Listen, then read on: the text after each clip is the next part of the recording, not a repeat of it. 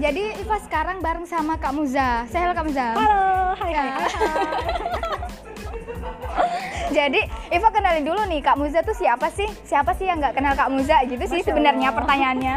Dan Iva kenalin dulu nih Kak Muza ini salah satu pemuda pelopor Jawa Timur 2019 ya Kak ya. Iya benar. benar. 2019 di Kabupaten Sampang ini asli produk i produk Produk. asli made in Kabupaten Sampang, Made in Sampang. dan 2019 juga Iya. Kak Muza meraih pemuda pelopor tingkat nasional Yes. dan beliau juga founder Sampang Young Inspiration teman-teman mungkin pengen tahu apa sih Sampang Young Inspiration itu gimana Kak caranya Oke, teman-teman bisa kunjungi di semua medianya baik dari Twitter, fanpage, kemudian YouTube, kemudian Instagram, di Sampang yang Inspiration. Sampang yang inspiration gitu ya. Jadi kalau anak muda Sampang ingin memberikan perubahan untuk Kabupaten Sampang, Yes. tepatnya di Sampang yang inspiration gitu ya Iya, kak ya. betul banget. Dan Atau ada kepedulian di Sampang siapa pun anak muda, kita tidak membatasi orang yang tidak berbuat baik membatasi ya. dan tidak ada kriteria harus cantik, harus pinter enggak ya kak ya. Tapi ada konsisten, ada respect, ya. respect, ya. respect Yes, dan right. gimana kalau mau punya impact yang besar untuk Yes. daerah sendiri, jangan lupa bergabung di Sampang Sampang yang inspiration. Oke. Kok promosi ya? Kalau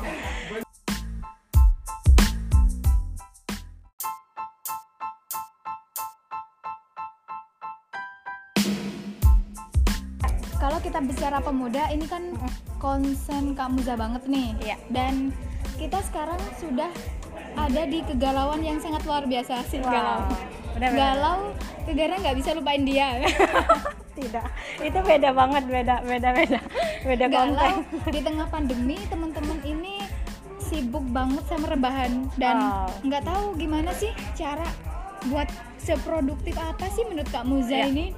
Dan nggak hanya itu, kalau menurut Kak Muza sendiri nih, pemuda tuh eh, gimana sih Harus harusnya gimana gitu ya? jadi pemuda tuh kayak harus ngapain gitu loh. Oke. Versi Kak Muza ini ya. Versi aku ya. Iya. Ini boleh boleh ditiru, boleh enggak gitu. boleh, boleh banget. Oke Semaya, hai hai hello. Ya, terima kasih Deva sudah kenalin aku dan aku diundang banget spesial ya di YouTube-nya dia. Iya, oh my god. Jadi perkenalkan nama aku Mozayana Moza. Teman-teman bisa follow Instagram aku di Mozazana ID. Kita akan ngobrol banyak di sana. Dan benar banget sih Dek, kita sekarang sedang memasuki era ketidakpastian ya. Era ketidakpastian, era Kalau dalam yang sangat luar buku biasa. Renar Kasari, eh, Renar Kasali itu era disrupsi gitu ya. Era disrupsi. Banyak di antara kita sedang mengalami insecure dalam diri kita. Nggak percaya diri ya, Nggak percaya diri banyak. Ada bahkan di antara kita selalu memiliki kegalauan dan kecemasan, ketakutan-ketakutan yang menghantui gitu ya. Ketakutan yang menghantui. sudah takut jadi menghantui. Iya. Kayak mana gitu. Nah, tapi maka kemudian em, kita sedang memang benar sih kita sedang memasuki di era yang menurut aku eh, kita ditantang untuk adaptasi. Ditantang untuk beradaptasi Dengan dengan, cepat, berbagai berbagai- eh, perubahan sosial. ya perubahan sosial ya. Kita ditantang untuk survive diri kita maksudnya yang ditantang untuk mau tidak mau kita harus survive nih gitu kan. Melihat eh, situasi dan kondisi saat ini. Si- situasi yang saya saya kira adalah ini pandemi global yang sudah terjadi di seluruh dunia ya nggak sih? Dan kita sudah kehilangan banyak pahlawan ribuan juta pahlawan ya nggak sih? Para- ribuan manusia ribuan juga manusia. tentunya. Tenaga medis dan semacamnya tentu aku kamu dan kita semua di sini harus bersyukur ya masih bisa bertahan um, bersyukur banget lah apalagi dunia lingkungan ini kan nggak sama gitu. Iya benar. Bertahan untuk men- me- melanjutkan estafet ya. Estafet berat banget sih. Enggak juga sih deh tapi kalau memang anak muda itu dituntut untuk selalu eh, apa ya dengan kata perubahan. Oke. kenapa sih harus dengan kata perubahan? Karena memang secara fungsi kita sedang berada di di apa ya anak muda itu secara fungsi apa ya punya jaket agen gitu loh agen bukan agen agen yang punya jaket agen tapi Agen. serius serius loh kak kalau Iva tuh kalau ketemu sama kak Muza tuh kayak Oh, Allah. eh, ngecas diri gitu. Ngecas jadi seandainya Iva semangatnya down terus ketemu sama kak Muza itu semangatnya balik lagi gitu. Alay malah banget. tambah lebih. Alay ini, ini ini bukan alay tapi memang bener-bener pure. Jadi teman-teman tuh kalau tahu pribadi kak Muza itu seperti apa bagi Iva tuh kak, kak Muza tuh alay banget ya kalau ketemu sama Kak Muza terus ngomong terus jadi semangatnya balik insecure-nya hilang dan kita bakal nemuin apa ya oh tujuannya kita hidup oh ternyata begini Oh, gitu loh.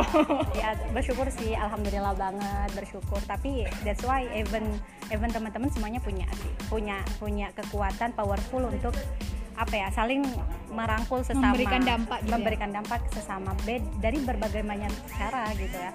Tapi eh, kalau aku tadi apa sih di pertanyaanmu? Bagaimana sih kita tetap bisa kita survive tetap ya? bisa survive anak muda apalagi kan Oke, biar anak muda tidak galau ya, biar tidak mudah galau. Kalau aku tertarik dengan buku yang ditulis oleh Henry Manampring sih, Dek. yang best seller itu ya Iya, benar banget. Iva udah baca juga Iya sih, kayak judulnya filosofi teras Iya, ya nggak sih? Kayak kita di dalam buku itu pada intinya kita harus bedakan sih mana yang menjadi kendali kita dan mana yang bukan menjadi kendali kita. Kalau yang menjadi kendali kita nih, oh sorry, kalau yang bukan menjadi kendali kita, kita kita galauin, ya mau tidak mau kita akan stres, galau, cemas. Ya Karena sudah, memang itu fokus. bukan urusan Iya, kita gitu bukan ya. kendali kita, di luar kendali kita. Jadi kita fokus pada hal-hal yang menjadi kendali kita. Contoh, eh, aku tidak bisa eh, misal contoh ya aku aku kayak apa ya bisanya biar aku tetap bisa produktif gitu ya aku bisa tetap jual apa namanya bisnis online aku. Ya kalau tidak bisa dil- dilakukan di pasar di mana di mana kan bisa melalui online gitu. Intinya fokus pada hal-hal yang sudah menjadi kendali kita. Jangan fokus pada hal-hal yang di luar kendali kita. Fokus fokus itu fokus yang memang itu urusan kita gitu. Urusan Nggak- kita. nggak perlu urusan Nggak- orang lain yes hal right. lain gitu hal ya. lain yang bukan di luar kendali kita. Contoh misal "Ah, aku kok galau ya? Karena teman kita sudah kayak gitu aku kok masih sampai sini sini aja sudah stop di compare to others. Kayak membandingkan, membandingkan diri. diri. kita fokus terus memperbaiki diri kita gitu satu langkah satu langkah menuju langkah-langkah selanjutnya gitu. karena setiap orang Punya- prosesnya nggak sama nggak sama gitu. dan that's why kita punya mid timing masing-masing kayak gitu Oke, jadi menghargai diri sendiri itu memang hal yang important penting banget important kan? so very important dan kita daripada menghargai banyak orang. Love yourself dulu lah gitu. Cintai diri kita sendiri gitu ya? Iya, tapi bagi Kak Musa sendiri nih ya sebagai orang yang menurut Iva memberikan dampak di kota sendiri gitu ya dan Ya. hidup di kota orang lain Kak Musa kan kuliahnya beda banget kan sama Iya. proyek sosial yang dikerjain gitu. Iya Eh, dalam misi itu Iva Iva bilang misi nih Iya. dalam misi itu apa sih yang melatar belakangnya Kak Muza untuk terus memberikan hal-hal yang mungkin bagi Kak Muza Iya. itu passion mungkin sih Iya. tapi bagi orang lain tuh hal yang tidak oh aku tidak bisa melakukan itu Oh. gitu loh semakin ke sini aku just semakin sadar aja sih deh Sadar. bahwa oh bahwa ternyata hobi aku empati. Empati. Empati. Jadi pemuda harus empati ingat empati. Ya jadi hobi aku ternyata sampai sini aku semakin sadar kalau hobi aku respect. Ya enggak sih? Respect, percu- empati. percuma kalau kita iya apa ya kalau kita oke benar kita sudah menemukan ikigai kita gitu ya. Ikigai, senang gitu ya. Hmm. passion kita apa yang akan kita lakukan kita nyaman gitu. Tapi kalau kita no respect no empati no bullshit gitu. Artinya Tapi tidak tidak orang wajib kan Wajib, punya respect dan yes. empati itu kan yes minimal this yourself di ourselves untuk diri mereka sendiri. Tapi kalau kita udah masa kita respect terus untuk diri kita gitu kan. Nggak mau yakin nggak beri dampak kepada banyak orang. Wajib kan? Setelah kita memberi memberi respect kepada diri kita baru memberikan respect kepada pada orang, orang lain. gitu. Benar. Eh, bener sih dan kebanyakan teman-teman tuh kadang ngerasa eh kalau diri sendiri aja nggak menghargai diri sendiri Ya. gimana orang lain baru baru mau menghargai diri Iya, kita gitu benar kan benar benar tapi kak Ya. kalau kakak Moza sendiri menghadapin pasca pandemi ini gimana karena kan Mhm. anak muda Mhm. terus eh, apa kebiasaan dalam social distancing juga mungkin hanya Mhm. Main HP dan di Mhm. rumah Iya, gitu kan iya. jadi kita memang galau yang luar biasa apalagi aku nih ceritanya aku juga galau sih kalau kamu sendiri Mhm. gimana nah anak muda harus menghadapin Mm-mm. eh, kehidupan pasca pandemi oke mempersiapkan lah Mm-mm. Kalau kita sebenarnya sih eh, seta- se- selalu ya setiap tahun punya resolusi. Resolusi setiap Resol- tahun setiap gitu. tahun. Bahkan ketika kita pergantian tahun ada resolusi tahunan nih. Ada resolusi atau targeting ya setiap bulan dan semacamnya. Mungkin bagi Muza adalah target uh, setiap goals goals kecil selalu ditarget sih. Misal contoh Iva suka nulis nih. Kita harus target bikin live mapping to ourselves gitu kan. tulisan apa yang tulisan akan apa aku aku, tulis ya gitu apa yang tulis kemudian apa pekerjaan apa yang akan aku kerjakan after pandemic. Tentu tidak hanya resolusi setiap tahun ya tapi juga ada resolusi after pandemic kayak gitu. Resolusi after pandemic itu penting ya kak ya? penting banget kayak gitu. Bah karena kan kita sudah self quarantine banget ya sampai 2-3 bulan. Bahkan ada yang lebih, sampai bosen bangun tidur pegang HP tidur lagi kayak gitu kan? Eh, jadi bagi aku anak muda ini punya banget punya banyak opportunity atau peluang. Peluang untuk Eh, oh, untuk berkembang lebih ber- jauh berkembang lebih jauh, lebih jauh ber- gitu. bergerak lebih jauh. Bahkan sekarang sekarang ya anak milenial ini eh, sudah banyak sudah suka banget kolab- kolaboratif. Iya emang zamannya udah kolaboratif kan Iya, kolaboratif. Nggak ada lagi kompetitif, kompetisi yang bagus. That's right. Yang saling jas ya yang saling menjatuhkan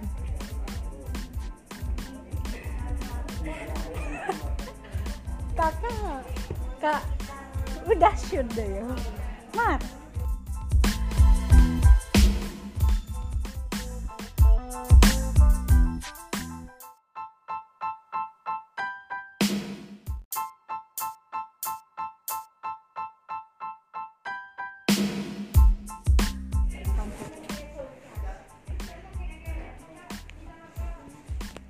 Nah, jadi kalau menurut Kak Muja sendiri nih, gimana sih cara kita mengawali eh, rencana pasca pandemi?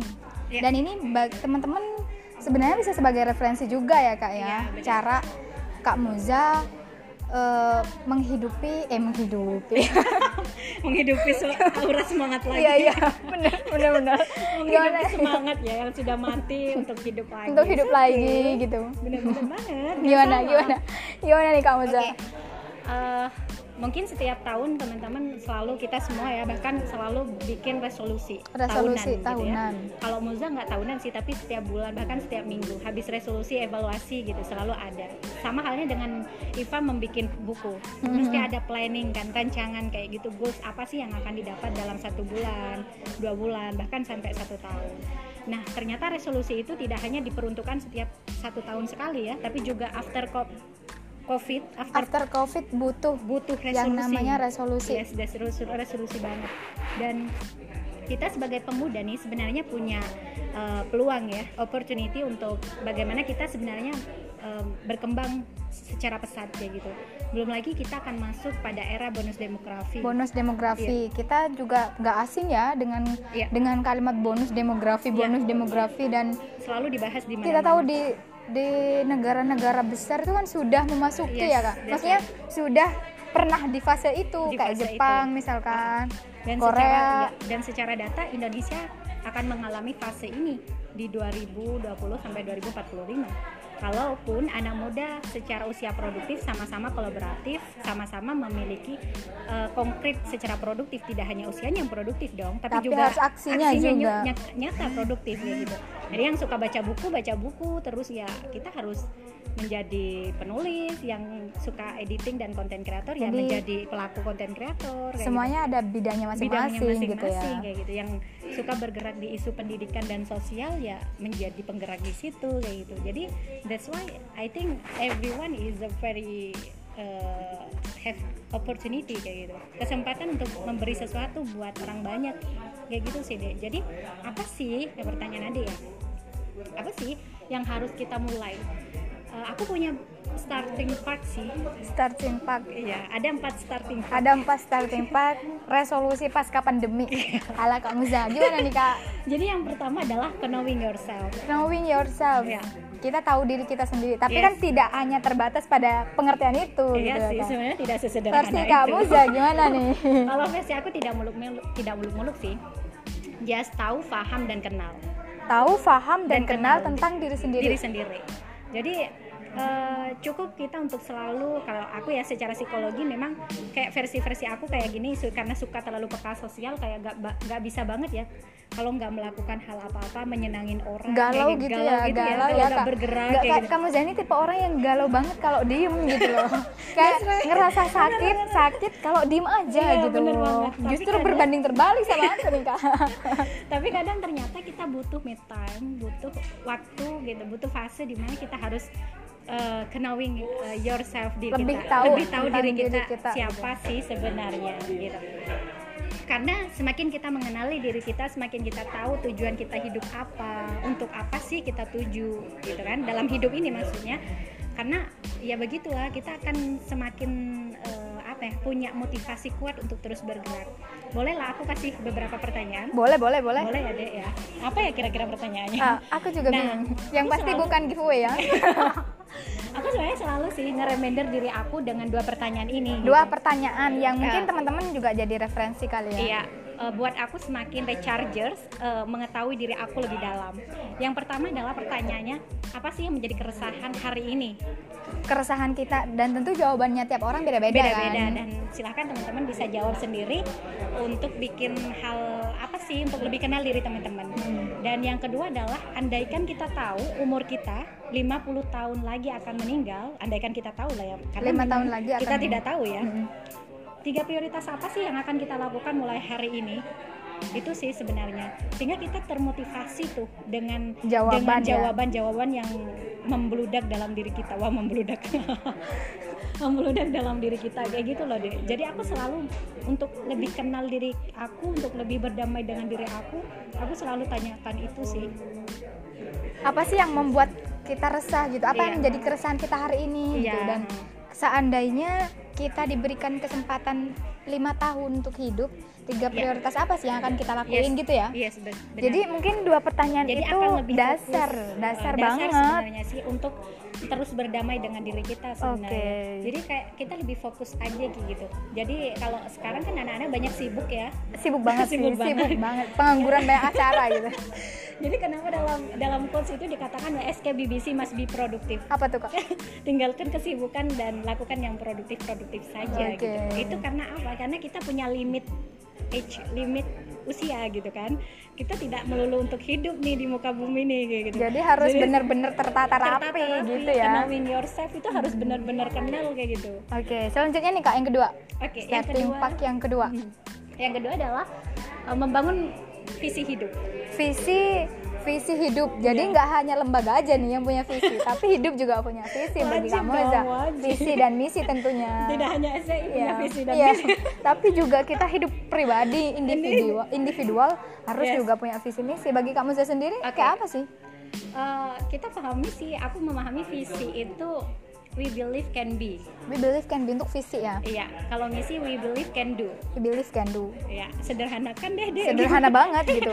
Gimana tapi sih kalau disederhanakan visi itu apa misi itu visi itu kayak rencana misinya yang kita lakuin dari rencana Oh, itu bisa. gitu loh. Iya.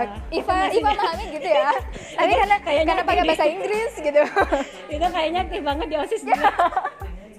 anak kosis banget Iya dan sesederhana itu sih sebenarnya kalau misalkan ya eh, teman-teman memahami kita sebenarnya harus punya visi dan misi dalam Iya, hidup bener gitu. banget. Jadi kayak aku juga mengkonkretkan si visi visi hidup itu kayak seba- semacam aku berada di tengah laut atau di hutan yang gelap banget. Kemudian aku punya visi yang kuat. Dia kayak aku disinari dengan cahaya yang begitu wow berat ya. Dengan cahaya untuk teman-teman mesti mikirnya ke mana-mana nih kak Iya, jadi- udah berimajinasi Iya nih benar. Kayak aku berada di posisi yang begitu gelap. Kemudian aku hidup sendirian di situ. Tapi karena aku dihidupi dengan visi aku, jadi kayak ada penerangnya gitu Penerang ya. gitu loh. ada kayak kita punya arah ke mana arah- nih kita arah, harus iya. melangkah gitu Iya, ya. bener banget. Sama halnya deh tadi aku dari Sampang ke Pemekasan jadi ceritanya daripada kita nganggur gitu ya Iya. daripada kita kita cuma ngomong-ngomong aja mending kita bikin video gitu ya kak. lebih mengedukasi. Jadi kan inilah maksud Iya, visi itu ada tujuan ya. Ada ah, kita kepikiran mending ke Pemekasan ngopi doang. Ah kayak gimana ya caranya kalau kita ke Pemekasan bikin konten gitu Iya, kan? siapa tahu bisa bermanfaat siapa tahu gitu. syukur-syukur teman-teman mau masuk SIAI nih kak. Nggak juga nggak promosi. Tapi barang biar kontennya dia nggak nganggur. Iya. terus yang ketiga nih kak. Oke, starting uh, start- starting part yang ketiga ini uh, keberanian. keberanian. Jadi ke- ke- ketika kita udah tahu diri kita udah punya visi misi baru Iya. berani gitu. Berani, Uh, berani itu dalam arti tidak tidak adu fisik ya. tidak adu fisik otomatis beraninya berani melangkah gitu Iya, ya berani, berbuat melangkah, lebih gitu berani ya berbuat lebih, berani mewujudkan, mengkonkretkan ide gitu. Kalau dulu aku hanya eh, punya ide di otak aku akan bangun daerah aku akan mengajak orang-orang yang keren di daerah aku untuk sama-sama saling menginspirasi biar untuk sama-sama membangun Iya, daerah membangun gitu ya daerah. itu kayak dulu ide doang tapi bagaimana aku berani berangkat dari Surabaya ke Sampang hanya untuk tiap-tiap tiap meeting, tiap, tiap meeting, minggu, tiap, tiap minggu bahkan dan tiap sama- hari gitu iya. ya. itu karena aku mencoba menyadari bahwa this is uh, aku harus saatnya bergerak kayak gitu loh aku harus saatnya bergerak aku harus ketemu dengan orang-orang keren untuk sama-sama saling memberi dampak kayak gitu sih bukan apa sih tujuannya bukan cuma ingin dikenal dan semacamnya tidak sebatas itu ya tapi bagaimana itu belakangan, ya Belakangan. kak tapi gimana caranya bermanfaat, Yes, dulu bermanfaat gitu dulu. Tapi bagaimana caranya kita membuat suatu circle yang circle itu kayak bermanfaat banget. Kayak kita mau galau is oke ada, mau happy is oke di situ kayak gitu. Nah, jadi kayak family banget kayak gitu. Itu banget sih. Menurut aku adalah keberanian tidak sebatas itu. tidak tidak hanya terbatas pada eh, ya ini loh aku berani gitu kan Iya, tapi kita kita harus tetap berdamai dengan situasi dan keadaan ketika di situ ada kesulitan. Oke, kalau yang keempat nih kak, terakhir Oke, ya, terakhir. terakhir ya. teman-teman pasti penasaran. Iya, yang terakhir eh, buat aku adalah action. Action. Jadi ketika udah berani, udah punya visi misi, udah tahu, baru kita action. Jadi Iya. kayak semacam yang ketiga itu rentetan dari Yes, action. uh, sebelum action. sebelum kita melakukan aksi, kita harus punya ini dulu, gitu Iya, kan ya. Eh, action itu kayak dia semacam wadahnya yang di dalamnya sudah ada itunya gitu. Sudah ada knowing Iya, yourself, knowing yourself, kemudian sudah ada apa tadi yang kedua? ada Visi visi hidup. misi hidup, Iya, ada keberanian. keberanian. Jadi yang terakhir itu adalah action. Jadi action itu dibangun juga dengan kon- konsis- konsistensi sih deh gitu. Kalau anak muda sekarang dikatakan oleh beberapa para ahli itu adalah anak muda itu identik dengan 99% aksi, Satu 1% persen ide. ide gitu. mungkin se- sejalan nih kak kita Oh. mungkin orang boleh banget nyuri ide kita tapi Yes. tidak dengan aksi kita gitu Aku ya pernah denger itu kayak Ya. dari Nadiem Makarim. iya bener Iya kan aku bilang ini bukan kalimatku loh kak aku pernah denger gitu kan Yes, Mas Menteri pernah bilang sih benar banget kalau kita boleh ide kita boleh dicontoh oleh boleh silahkan gitu. gitu tapi, tidak dengan aksi tidak kan? dengan aksi kita karena aksi kita yang yang yang akan kit- yang akan bawa kita siapa kita yang sebenarnya Iya, jadi tiap orang tuh kan punya visi misi berbeda, Yes. punya kecenderungan. Oh, saya passionnya di sini, Yes. kakak passionnya di sini. That's Tapi right. gini, gimana caranya kita memaksimalkan itu gitu Yes, ya? betul banget Dan pasca pandemi mungkin teman-teman dengan kegalauan yang sangat luar biasa, empat starting pack tadi Semoga bisa bisa membantu. eh, bisa membantu teman-teman. Oh, jadi setelah ini saya mau ke sini gitu atau Yes. setelah ini mau bener-bener wisuda nggak LDR lagi Yes, gitu. atau kerja dan Kerja kuliah lagi, kuliah lagi. Kemudian tapi sebenarnya pandemi ini memberikan kita peluang sih di. Peluang untuk kita tetap produktif dan melakukan banyak uh, planning-planning untuk resolusi-resolusi baru after pandemi. Malah lebih produktif di Yes. tengah pandemi Iya, seharusnya gitu ya seharusnya kak. Eh, oke. Dan itu dia Ya. eh, tips dari kak Moza tentang gimana sih anak muda menghadapi hid- eh hidup di pasca pandemi gitu ya. Iya, bener banget. dan semoga bermanfaat. Semoga Kakak- bermanfaat. Jangan lupa untuk terus tumbuh. dan berkembang. follow juga instagramnya Sampang Young Inspiration. Moza Ganaidi dan Mali Faifa. Oke. Ketemu lagi di pembahasan selanjutnya teman-teman. Sampai jumpa di persimpangan jalan. Sampai See jumpa. you.